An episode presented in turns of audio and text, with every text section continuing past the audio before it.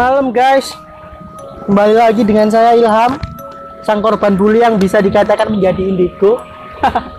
enggak lah enggak, tapi sekarang udah enggak, udah enggak peka, udah enggak bisa ngerasain hal-hal seperti itu lagi udah. Dan alhamdulillah sekarang saya sudah sudah kembali di kehidupan normal saya. Saya udah rumah tangga, sudah punya anak satu.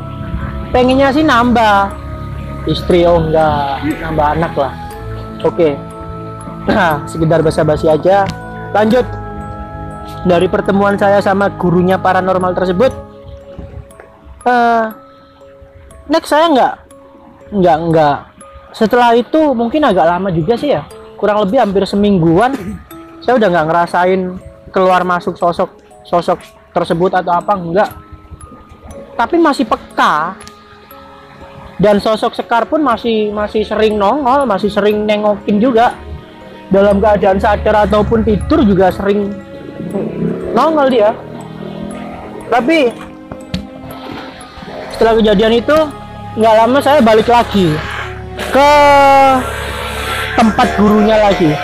Uh, gurunya itu mempunyai salah satu perguruan bela diri yang di dalamnya ada ada amalan-amalan tenaga dalam atau buat buat nyembuhin orang orang sakit orang-orang yang diganggu setan, jin dan sebagainya di perguruan situ juga ngelayan kayak gitu. pas pas waktu saya ke sana kedua kali itu sore setelah Isa. Kebetulan pas lagi ada latihan, ya kan? Sedikit cerita, saya diajakin ke tempat latihan sama gurunya sama paranormal yang dari awal nanganin saya di tempat latihan itu satu rumah yang dirombak jadi kayak gudang gitu. Jadi satu rumah dibongkar dibuat ngelos. Di situ dibuat latihan. Nggak banyak sih. Muridnya dia yang pas waktu saya di situ nggak banyak. Kurang lebih 20-an orang. Ya kan? Guru tersebut bilang sama murid-muridnya ini salah satu pasien kita dan alhamdulillah sekarang udah udah enak. Mungkin kurang lebih seminggu udah diga, nggak diganggu lagi. Ya kan? Nah dari pembicaraan guru tersebut saya kok ngerasa nggak enak gitu kan? Tiba-tiba panas. Badan badan badan maaf sorry. Uh, badan kayak ngerasa panas berat gitu kan. Seakan-akan kayak ada yang masuk kayak ada yang datang gitu kan. Tapi saya ngeliat sekitar nggak ada orang nggak ada sosok-sosok lain. Kecuali mereka yang emang ada di situ ya kan. Saya ditanyain gimana? Udah enak ada perkembangan? Saya bilang enak pak ada perkembangan gitu aja biar biar saya nggak terlalu ini kan nggak terlalu terbawa sama uh, kondisi saya kan. Ya udah mereka lanjut latihan. Mereka udah mulai latihan. Ya sama halnya dengan latihan fisik biasa lah bela diri yang lain ya kan? Saya nggak perlu sebut nama perguruannya apa ya. Ah, privasi juga. Saya di situ. Pola pernafasan mereka terus latihan fisik uh, komite pertarung guys latihan lah sparring sama teman-teman yang lain. Jam udah nunjukin sekitar jam 10-an dan di situ saya mulai ditanganin lagi. Karena ada karena mereka di sana ngerasa ada yang aneh dengan saya. Saya ditanyain mas kok aneh ya? Kok beda ya? Saya bilang iya. Dari awal saya masuk samen bilang seperti itu sama murid-murid samen saya emang udah ngerasa beda tapi saya nggak paham ini apa gitu kan. Dan saya pun nggak ngerasa ada yang saya nggak ngerasa ada yang masuk gitu loh. Saya nggak ada yang nggak nggak ngerasa ada yang sosok yang masuk dalam tubuh saya. Dan saya ngelihat sekitar juga nggak ada sosok-sosok lain selain yang ada di sini ya saya biasa aja. Setelah guru tersebut bilang mas ini kok aneh gini gini gini gini gini. Ya udahlah saya ritualin dulu lah istilahnya. Seperti itu saya tanganin dulu atau ritual dulu jadi mereka, guru tersebut sama murid-murid mereka melingkar. Dan dalam lingkaran itu tengah-tengah dikasih sandal jepit. sandal jepit tadi dikasih dikasih mantra dikasih doa atau apa saya juga nggak paham karena saya nggak masuk dalam perguruan tersebut ya kan? Dan saya ditantang untuk mukul sandal tersebut yang ada di tengah. Mas samen pukul ini kalau samen bisa nyentuh samen bisa geser posisi sampean hebat. Saya ditantang seperti itu. Saya ditantang seperti itu. Ya namanya anak kecil ya kan? Ditantang. Bukan ditantang berantem kan? Ditantang seperti itu ya saya lakuin. Dan ternyata saya nggak bisa. Awal percobaan saya nggak bisa nyentuh sama sekali. Padahal saya cuman pengen megang aja saya nggak bisa nyentuh seakan-akan barang tersebut jauh dari jangkauan saya. Sedangkan dalam kenyataannya dia udah di depan mata. Saya semakin emosi semakin nggak bisa. Semakin emosi semakin nggak bisa. Pusing kan saya. Panas hati kan. Kok nggak bisa bisa sedangkan coro kalau orang Jawa bilang oh ketok motong ini kok nggak iso gitu kan. Akhirnya saya udah mulai frustasi udah mulai emosi. Saya semakin emosi saya akan-akan sandal ini saya visualkan orang. Jadi bisa nggak bisa saya harus harus harus mukul orang ini. Semakin saya pakai tenaga semakin saya visualkan jadi orang ya kan? Semakin saya pakai emosi saya terpental. Terpental bener-bener terpental. Kayak ada yang dorong gitu. Kaget. Saat itu juga saya kaget. Marah. Dan kata-kata kebanggaan Surabaya pun keluar jancuk iya kan akhirnya tadi bilangin mas semakin sampean emosi semakin sampean marah dan semakin sampean pengen mukul nggak mungkin bisa coba sampean tenang anggap itu hewan peliharaan kayak kucing, anggap itu samen lagi megang yang lembut-lembut, lagi ngelus-ngelus siapa gitu kan. Coba mas, saya coba. Dan ternyata bisa. Saya pegang, saya pindah posisi. Ya kan? Ya mungkin itu hanya sekedar hiburan sih buat mereka dan saya. Buat ngalih ngalihin pikiran atau ngalihin apalah.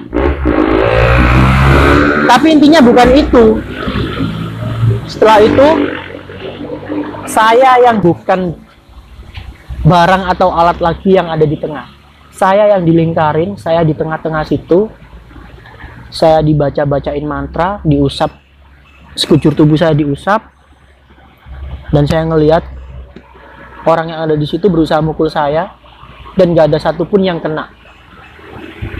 Dan gak ada satupun yang kena. Seketika itu saya marah. Dalam hati saya marah. Kok gini sih? Kok saya seakan-akan jadi diperalat gitu kan? Makanya saya berontak saya marah tapi nggak lama kemudian masuklah sosok lain. Entah saya siapa nggak tahu. Masuk di situ saya berontak saya pukulin satu-satu. Saya udah udah bener-bener kayak orang berantem tawuran gitu. Saya pukulin satu-satu saya marah saya mesu-mesu cuk-cukan mana akhirnya kan? Dari situ saya ditanganin. Saya dipegang. Dari kurang lebih orang 20 tadi hampir sebagian megang saya 8 atau 10 orang megang saya.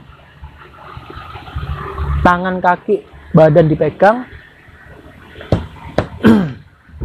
Dari mulai kepala kaki dan apa semua saya disentuh diusap dibacain doa di apa ya?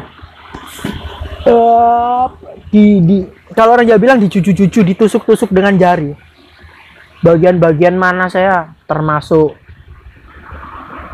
paha, terus belakang telinga bawah itu, itu juga kanan kiri, telapak kaki, ya kan, perut, ketiak juga, ah, udah udah kayak ditusuk-tusuk gitu. Emang ditusuk dengan jari sama dia. Semakin ditusuk, semakin saya berontak. Semakin disusuk semakin berontak.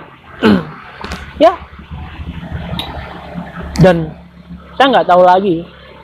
Saya harus harus ngapain saya nggak paham lagi dan kejadian itu udah jalan 2-3 bulan. Seperti itu. Keseharian saya sampai pada saat itu kurang lebih 2-3 bulan. Yang jelas lebih dari lebih dari dua bulan. Setiap harinya seperti itu. Dan saya udah udah bener-bener ngerasain capek sih capeknya bukan capek di pikiran tapi capek di badan. Karena setiap hari setiap malam harus disiksa dengan bergelut dengan orang-orang lain berinteraksi dengan kekerasan sama orang-orang lain. Di umur saya yang masih belia banget yang masih anak-anak disiksa seperti itu keluar masuk barang-barang halus setan jin dan sebagainya terus kontak fisik dengan manusia nyata siapa coba yang nggak capek? Siapa coba yang nggak ngerasain putus asa sempat saya ngerasa putus asa tapi di sisi lain saya nggak bisa buat lepas dari itu karena apa karena saya ngerasa aman saya lebih baik tersiksa fisik daripada tersiksa psikis saya pikiran dan hati saya dibully dengan teman-teman. Dengan faktor itu, saya tetap bertahan. Ya kan? Dan kejadian sama guru paranormal tersebut kita sering ngobrol. Kita sering ketemu. Yang jelas dengan paranormal dan orang tua saya kita sering ngobrol. Ya, apa ya? mungkin ada efek lah dari ditangani sama guru tersebut saya nggak nggak setiap hari keluar masuk nggak setiap hari interaksi jadi ada kalanya di saat saya bener-bener emang emang bener-bener kosong baru sosok sekar dan lain-lain yang yang tiga orang tadi itu nongol ngajakin nanyain kabar bahkan dalam mimpi juga nongol. Tapi ya nggak sesering awal-awal satu bulan lebih yang keluar masuk itu. Saya satu bulan lebih hampir dua bulan itu keluar masuk. Ya kan? Tapi kejadian ini saya yang bisa dikatakan sembuh total kurang lebih sekitar tujuh bulan enam tujuh bulan. Itu sampai saya dikatakan sembuh total. Dari berbe dari satu sampai tujuh bulan itu keseharian saya seperti biasa. Saya waktu main ya main. Berhubung teman-teman nggak ada yang mau diajakin main takut sendiri juga kan. Kita lebih lebih milih main di luar. Lebih milih main di luar. Main PS ke rental. Ya kan? Dan lanjutlah cerita pengalaman tersebut pengalaman-pengalaman keluar masuk itu berimbas saya ke tempat rental PS. Jadi awal saya sih main seperti biasa. Main PS gitu kan. Emang karena udah langganan jadi yang yang jaga ini tuh akrab gitu kan. Dan kebetulan yang jaga PS dia tahu. Sedikit banyak dia paham tentang hal-hal gitu. Hal-hal mistik setan atau dan sebagainya. Inisial dia N. Mas N bilang ke saya setelah saya main saya ngobrol ditanyain kamu kok nggak pulang? Udah malam jam 10 nggak pulang? Enggak mas saya di rumah sumpek rumah sumpek. Saya nggak ada temen lagi di rumah. Saya udah dua bulan nggak sekolah Loh kenapa? Nggak apa-apa lagi nggak enak badan aja. Kamu nggak enak badan tapi kamu keluar rumah sampai semalam ini jam 9 karena tempat PS-nya jam 10 kan tutup. Sampai jam 9 kamu dari sore loh. Dari maghrib loh. Belum pulang sampai jam sini. Kamu nggak dicariin? Enggak mas saya sudah bilang. Yang jelas saya sudah bilang keluar dan malam jam 10 saya harus pulang. Oh ya udah kalau gitu. Dan tiba-tiba Mas Nur ini nanya. Ah Mas N ini nanya loh kamu selama ini ngerasa nggak kalau ada yang aneh sama diri kamu? Enggak mas saya biasa aja buat nutupin. Tapi emang sebenarnya saya aneh daripada yang lain kan? Saya punya kejadian seperti itu. Hai Mas Nur semakin apa ya? Semakin neken dari per, dari jawaban yang saya lontarkan Mas Nur nggak percaya.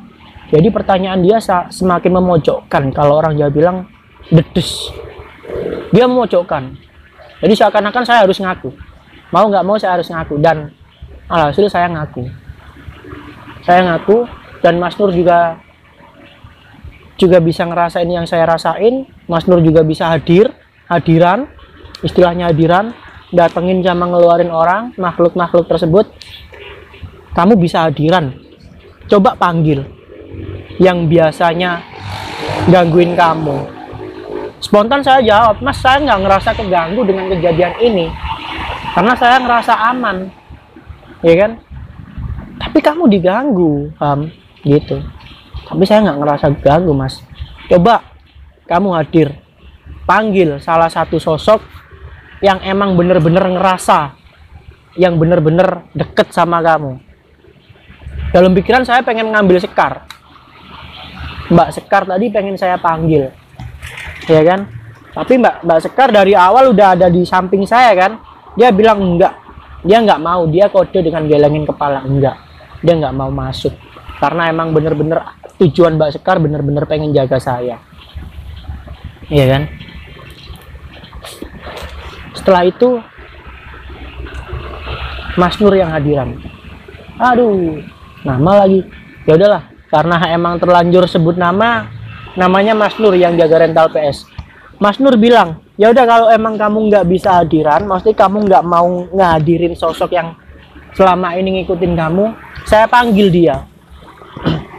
Ketika itu saya langsung lihat ke tempatnya Mbak Sekar.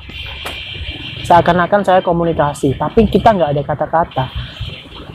Dan dia langsung keluar langsung hilang. Dan nggak lama Mas Nur ngerasain apa yang saya rasain. Dia kemasukan. Dan yang saya bikin nggak percaya yang masuk ke Mas Nur emang bener-bener Mbak Sekar. Jadi dari apa ya gestur tubuhnya dia terus cara penyampaian dia om mm, cara nyampein omongannya dia itu saya yakin kalau itu Mbak Mbak Sekar saya langsung ajak ngobrol Mbak Sekar kenapa kok ke sini? Bukannya Samen tadi kan nggak mau dan Samen mau pulang gitu kan. Mbak Sekar nggak ngomong cuman dia senyum. Mbak Sekar senyum sambil bilang kamu yang hati-hati. Sampai kapan pun selama kamu masih kerasa keganggu ngerasa nggak aman saya tetap ada di sini jagain kamu. Nggak lama Mbak Sekar pamit keluar dan Mas Nur pun sadar. Dari situ Mas Nur bilang yo alhamdulillah yang ngikutin dan gangguin uh, yang ngikutin kamu selama ini dia orang baik dia sosok yang baik. Kalaupun ada kejadian-kejadian kamu dibuat keluar masuk sama barang-barang itu wajar. Kenapa dibilang wajar? Kayak saya kosong itu loh. Saya kosong. Jadi buat buat ngisi waktu fit buat ngisi aktivitas saya dan pikiran saya saya dimasukin dimasukin. Dan Mas Nur bilang kalaupun nggak ada yang nanganin kamu kamu nggak kenapa-napa. Kalaupun kamu nggak ditanganin nggak diobatin nggak diginin kamu nggak kenapa-napa. Nggak bakalan keluar masuk juga sosok-sosok seperti itu. Karena dari awal emang Mbak Sekar pengen ngejagain kamu gitu loh. Pengen ngejagain kamu. Ya udah kalau emang kalau emang kayak gitu kamu sekarang pulang tapi nunggu aku tutup tak antar pulang. Biar saya yang ngobrol dan ngomong sama orang tua kamu. Iya mas. Dari situ saya juga ngerasa aman kalau ada bareng kalau bareng dengan Mas Nur tadi. Jadi dari situ saya setiap waktu ngabisin uh, ngabisin waktu di tempatnya Mas Nur. Meskipun nggak main saya ngobrol sama Mas Nur enak ya kan dan kalaupun saya lagi kejadian dimasukin sosok-sosok tersebut Mas Nur juga datang ngebantuin. Ada kalau emang emang bener-bener dadak darurat Mas Nur yang datang. Bukan paranormal yang dari awal itu tadi yang datang. Karena Mas Nur sama rumah kan emang deket. Mas Nur yang datang ngalahin rentalnya ditutup ditinggal datang ke rumah nanganin saya nyembuhin saya ngeluarin makhluk-makhluk tersebut ya kan? Tapi nggak putus dari situ aja. Yang jelas kejadian ini sekitar 6-7 bulan. Lebih kalau 6 bulan kurang lebih hampir 7 bulan. Saya rasa udah mulai memasukin bulan kelima kalau nggak salah ya. Dan bulan-bulan di uh, bulan-bulan sebelum itu saya seperti biasa seperti seperti apa yang saya ceritain tadi. Masuk bulan kelima Mas Nur udah lepas tangan. Karena dirasa Mas Nur sosok yang ngikutin tadi baik nggak ganggu nggak gini ya udah Mas Nur nggak mau nggak mau ngoyoh-ngoyoh nggak mau apa ya namanya. Pokoknya nggak mau ngoyoh lah. Yang jelas aku aman udah gitu aja. Pesennya Mas Nur gitu. Lah tapi namanya orang tua kalau ada anak yang digangguin dengan makhluk-makhluk yang tersebut kan nggak mungkin lah dia diem ya kan nggak mungkin lah pemikiran orang tua diem sama halnya dengan yang Mas Mas Nur lakuin kan? Apalagi ya? Saya lupa. Masukin bulan kelima itu saya sebenarnya banyak sih yang yang nanganin saya bukan cuma satu dua orang. Jadi kurang lebih yang nanganin saya itu ada beberapa orang. Kurang lebih 10 bahkan lebih lah di situ yang nanganin saya yang nanganin saya termasuk paranormal itu dan temen-temennya orang lima yang biasa. Ada nggak sampai orang lima? Termasuk Mas Nur juga gurunya juga ya kan? Terus belum dari yang lain-lain bahkan saya sempat dibawa ke kampung dua minggu di kampung ditanganin di sana juga nggak ada perubahan. Enak di sana balik-balik ke rumah sini gitu lagi balik di rumah gitu lagi ya kan? Dan akhirnya saya sekolah itu kurang lebih hampir tiga bulan saya udah capek ya kan? Saya udah nggak enak hati dengan sekolah pihak sekolah juga udah nguber-nguber. Akhirnya saya bilang sama orang tua saya pak saya keluar aja lah dari sekolah. Izin keluar izin keluar. Akhirnya orang tua saya ngeiyain ya udah kalau emang kamu pengennya gitu dan demi kebaikan kamu juga karena emang karena emang dari awal kamu diganggu di sekolah kamu keluar sekolah izin izin keluar sekolah sudah ACC